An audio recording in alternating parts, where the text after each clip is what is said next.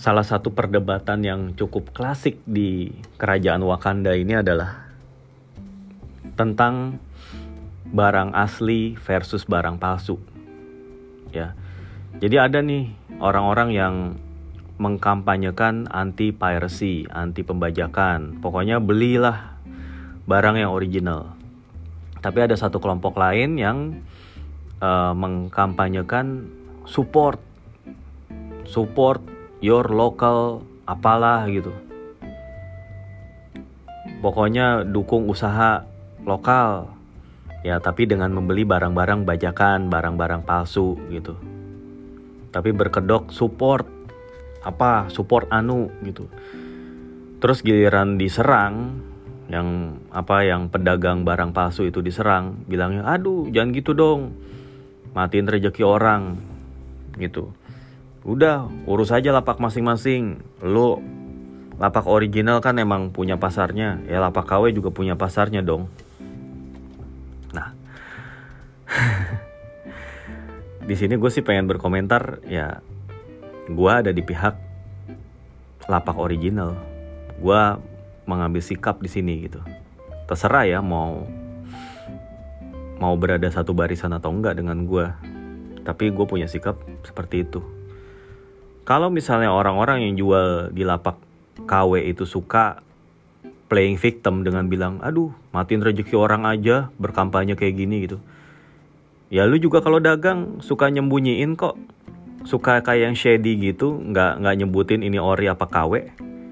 Paling kan gitu.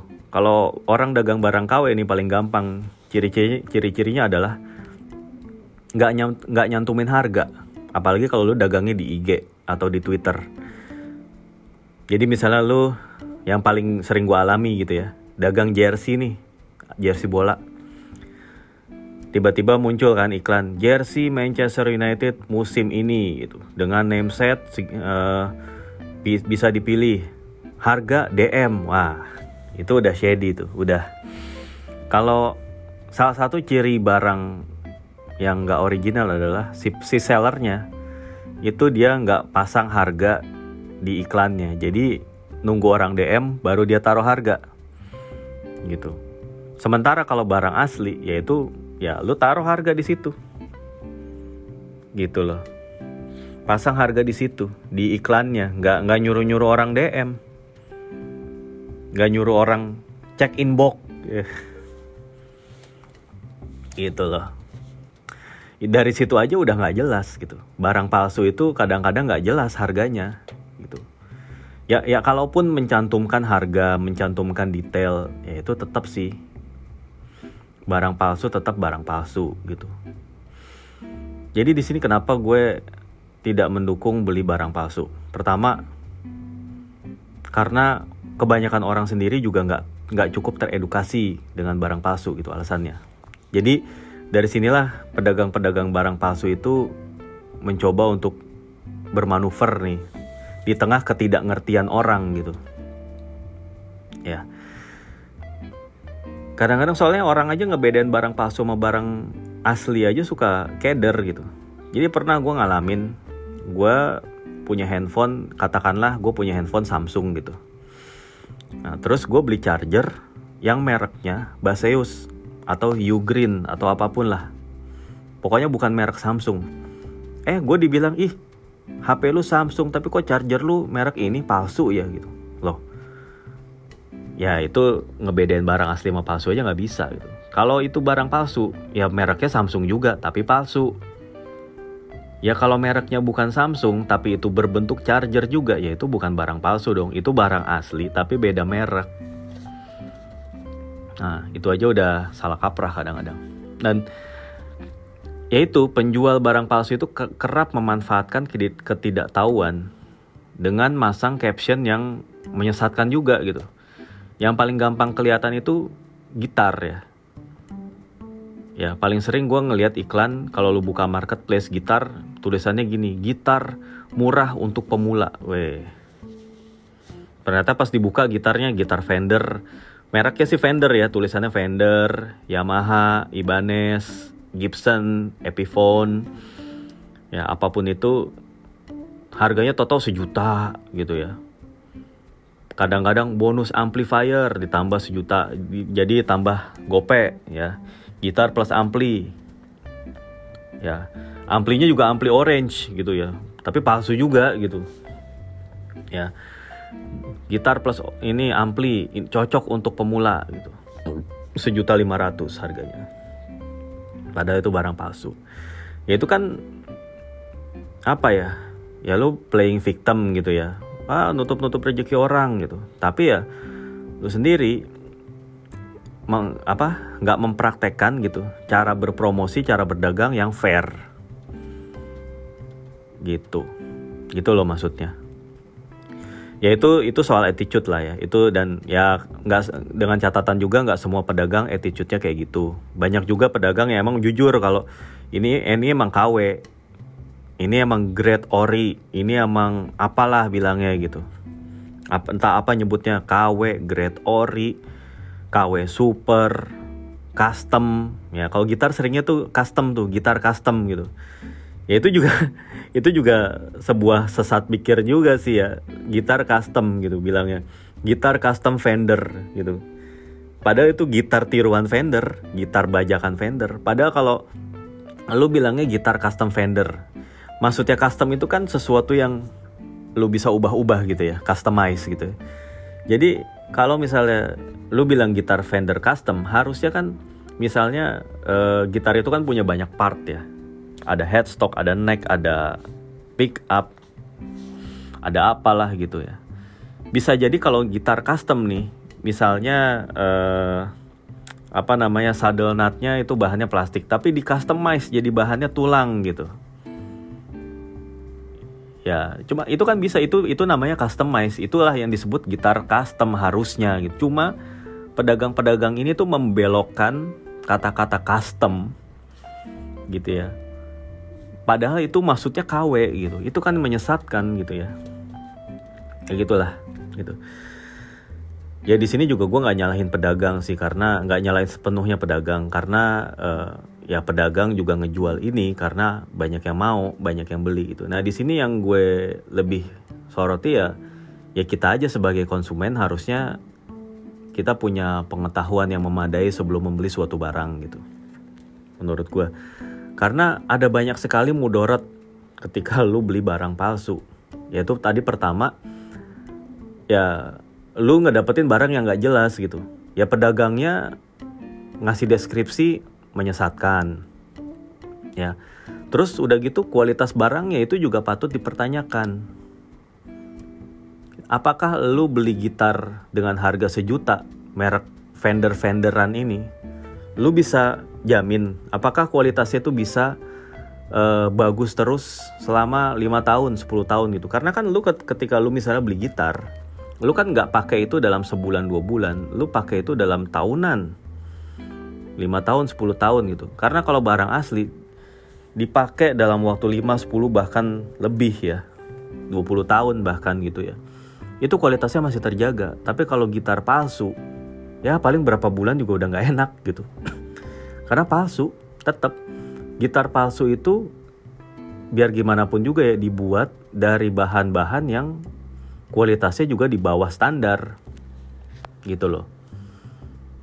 Yang ketika kemudian lu pakai, lu gunakan, misalnya nih lu lu gitaris pemula nih ya, lu pakai gitar palsu, ya lu akan loh kok tiba-tiba lu akan merasa kecewa kok nggak enak ya playability-nya nggak nyaman gitu ya, kok keras ya, kok uh, kasar ya, kok cepet begini, kok nadanya cepet, ya pokoknya gitu deh, kok sering out of tune ya senarnya gitu ya, ya itu karena gitar-gitar palsu itu finishingnya nggak bagus gitu. Banyak detailing detailing kalau misalnya ketika lu lihat lebih dekat nih ya banyak detailing detailing yang nggak serapi gitu kalau lu beli gitar asli gitu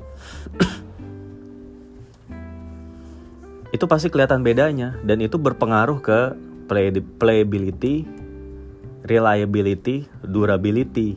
Udah pasti. Itu udah pasti. Lu nggak bisa expect gitar palsu kayak gitu itu bertahan lama gitu ya. Itu satu kualitas. Tadi dari attitude pedagang. Ya walaupun attitude pedagang itu nggak nggak mutlak. Kualitas tapi itu mutlak gue yakin kualitas. Lu barang beli barang palsu, lu nggak bakal bisa dapetin kualitas barang asli. Ketiga, lu beli barang palsu bisa jadi malah ntar lu bayar akan akan bayar lebih mahal. Kenapa? Karena karena ketidakawetan, ketidak handalnya barang palsu tadi. Lama kelamaan lu akan butuh beli yang asli gitu. Ah tanggung ya rusak lagi gitu. Ya udahlah, gue beli aja yang asli sekalian lah. Ya udah tahu gitu kalau emang dari awal lu akan ya maksudnya mendingan dari awal lu beli yang asli gitu loh. Daripada lu beli barang palsu yang nantinya cuma jadi sampah doang. Malah lu buang-buang duit gitu. Dan yang keempat, barang palsu itu juga nggak murah men. Lu beli gitar sejuta ya, dua juta gitu ya, sama ampli katakanlah gitu. Atau gitarnya doang satu setengah juta, Fender, Fender Fenderan gitu. Lu andaikan lu lu lebih sabar lagi gitu ya, lu lebih sabar lagi, tabung lu nabung lu punya duit sejuta setengah nih. Lu ngelihat gitar Fender Fenderan sejuta setengah lu tergiur untuk beli. Padahal kalau lu tahu ya itu ada gitar-gitar lain ya yang merek yang asli gitu ya. Yang mereknya emang bukan Fender tapi itu gitar asli gitar beneran yang kualitasnya bagus itu harganya paling sejuta delapan ratus atau dua juta. Itu gitar-gitar merek Legacy gitar merek apalagi semik lah ya atau apalah. Kalau zaman dulu tuh Prince. Atau kalau lu mau lebih ke atas lagi Squire. Itu lu nabung lah sejuta setengah lagi atau nabung 2 juta lagi lu jadi punya duit tiga setengah juta. Lu bisa beli gitar Squire. Artinya lu juga nggak usah terpaku sama merek gitu lu bisa tetap beli barang asli tapi nggak terpaku sama merek. Kalau lu pengen gitar yang seperti Fender ya lu bisa beli Squire. Lu pengen gitar yang kayak Gibson lu bisa beli Epiphone. Banyak lah artinya banyak alternatif gitu. Tapi tetap lu dapat barang yang asli. Itu akan lebih baik daripada lu beli barang palsu tapi mereknya tuh Fender merek-merek yang kelas tinggi gitu loh Gibson Ibanez gitu. Ya lebih baik lu beli merek-merek second tire tapi tetap asli. Gitu ya menurut gue.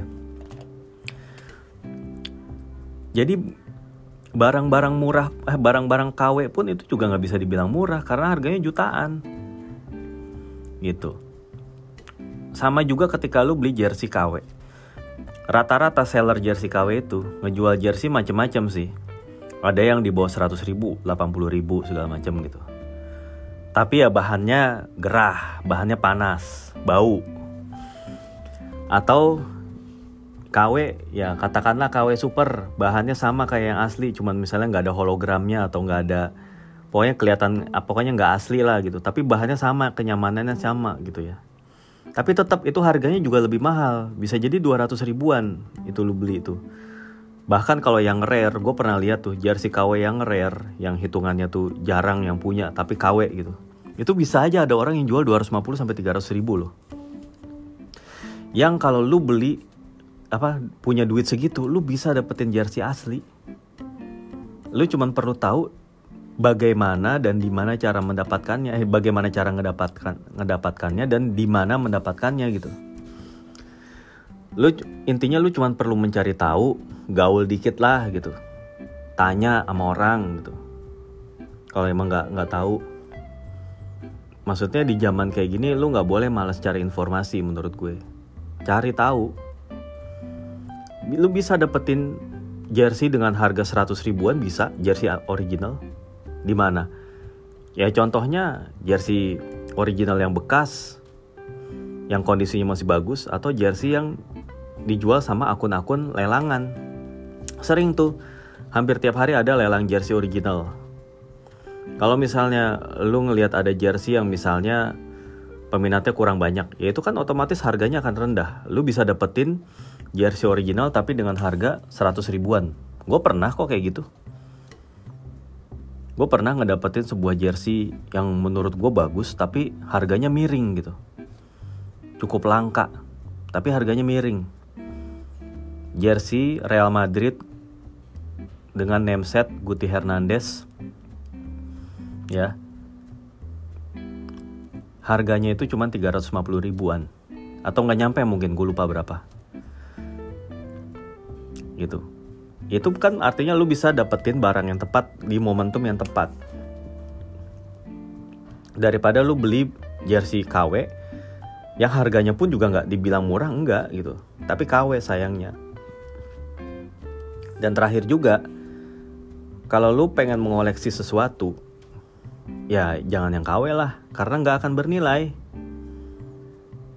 Gitu. Jadi kalau lu punya barang KW ya lu cuma bisa pakai aja lu pakai terus sampai rusak gitu. Nggak bisa lu pajang nggak bisa nantinya lu jual kembali karena nggak ada nilainya.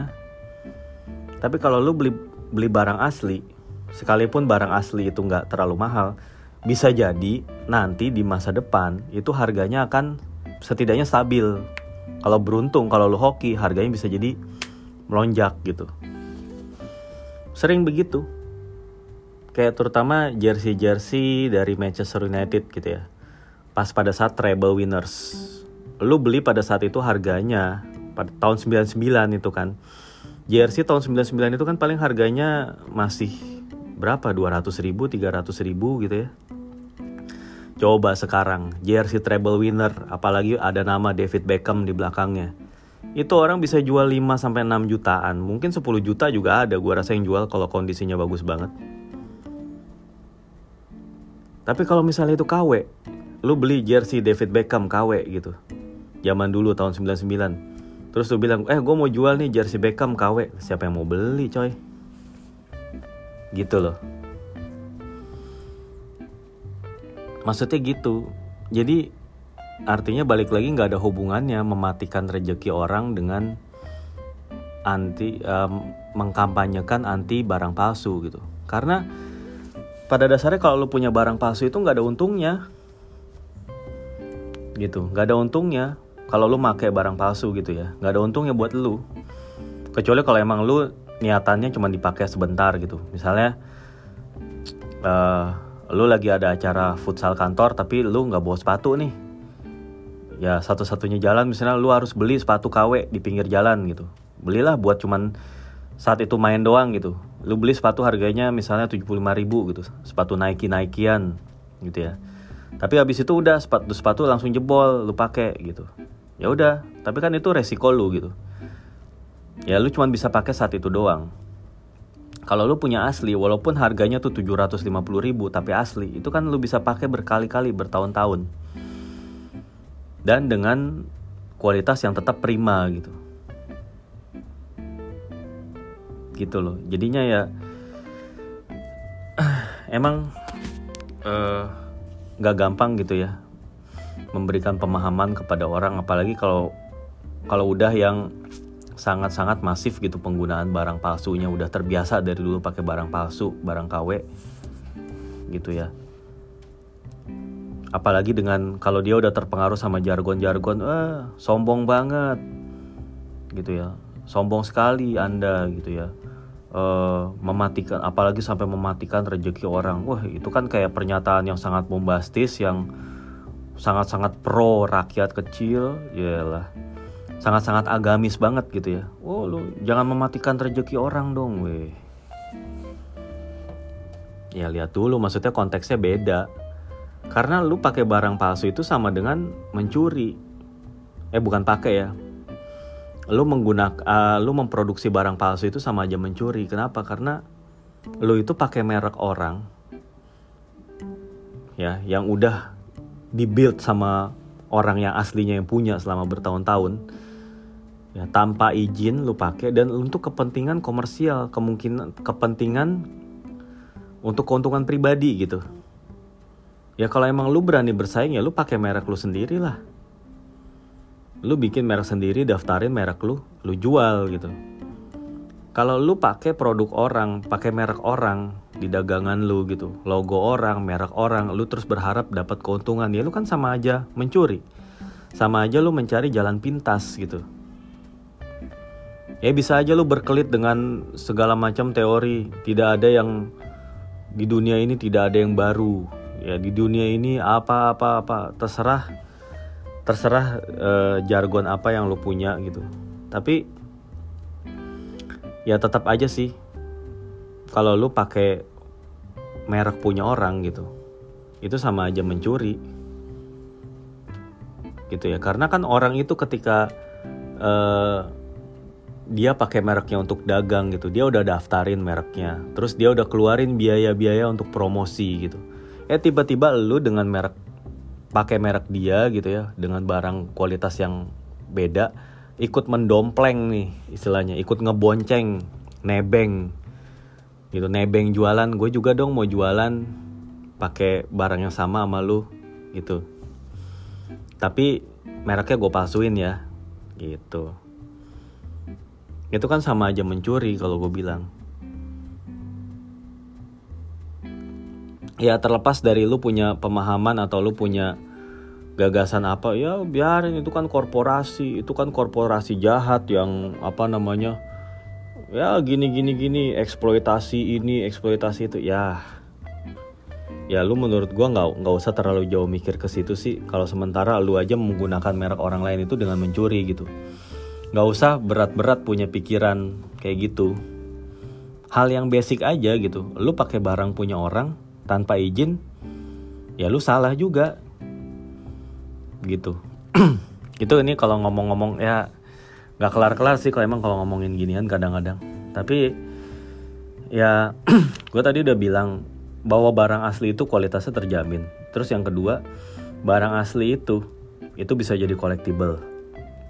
Ya bisa jadi investasi. Terus barang asli itu lu ya nggak ada rasa bersalah lah ketika memakainya gitu. Nggak ada rasa bersalah. Pokoknya ya itu emang you can afford it gitu loh. Lu bisa lebih tenang. Ini barang yang gue pakai ini bukan barang curian nih. Ini barang yang gue pakai uh, bukan barang bajakan. Kualitasnya bagus gitu. Ya dan ini bukan masalah prestis. Mungkin orang suka kayak orang yang pemakai barang palsu yang suka nyinyir terhadap pemakai barang-barang original. Pada mungkin pada komennya gini ah dasar lu so prestis gitu. Ini bukan masalah prestis kalau menurut gue ini lebih ke ya itu yang tadi faktor-faktor tadi kenyamanan pakai barang asli. Kayak ke faktor apa ya ya lu juga bisa ngedapetinnya dengan murah gitu tanpa harus bayar mahal. Lu bisa juga beli barang yang second tapi tetap original. Daripada lu beli barang baru tapi as eh, apa bajakan gitu. Lebih baik lu bisa lu beli barang yang second tapi dengan kondisi yang bagus dan original. Itu menurut gue lebih baik. Gitu. Jadi menurut gue ya tetaplah gue dalam gue cukup strict kalau soal ini bukan berarti gue itu nggak pernah pakai barang palsu seumur hidup gitu ya. Pernah. Dulu juga waktu pada saat gue masih belum ngerti soal ini gue masih pakai barang-barang palsu. Tapi setelah gue sadar gue nggak pakai lagi. Gitu ya. gue pernah juga beli barang palsu apa ya ya sepatu tadi. Gue pernah beli sepatu palsu tapi habis itu gue nyesel karena baru berapa kali dipakai rusak. Gitu. Gue pernah dan akhirnya gue nggak pernah mau lagi beli sepatu palsu. Gitu. Terus um, ya itu ya gimana ya itu lu nggak menghargai hak orang apa nggak menghargai kerja keras orang juga nggak sih? Apalagi kalau yang dipalsuin tuh buku gitu.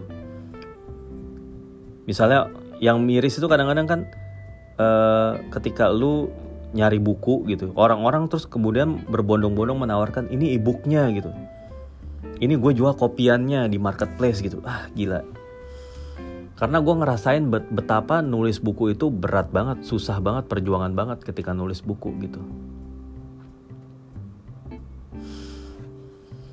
Jadi emang apa ya kalau misalnya ketika ada orang yang masukin dengan cara ngebajak motokopi wah itu miris banget sih buat gue gitu. Lu nggak menghargai orang yang bikin yang meluangkan waktunya untuk bikin buku untuk riset, untuk nongkrong, supaya jadi satu buku itu gitu. Eh terus lu beli buku palsunya yang kopian ya, ya kayak gitulah, gitu sih ya. ya udahlah uh, untuk saat ini itu aja dulu sampai ketemu lagi ciao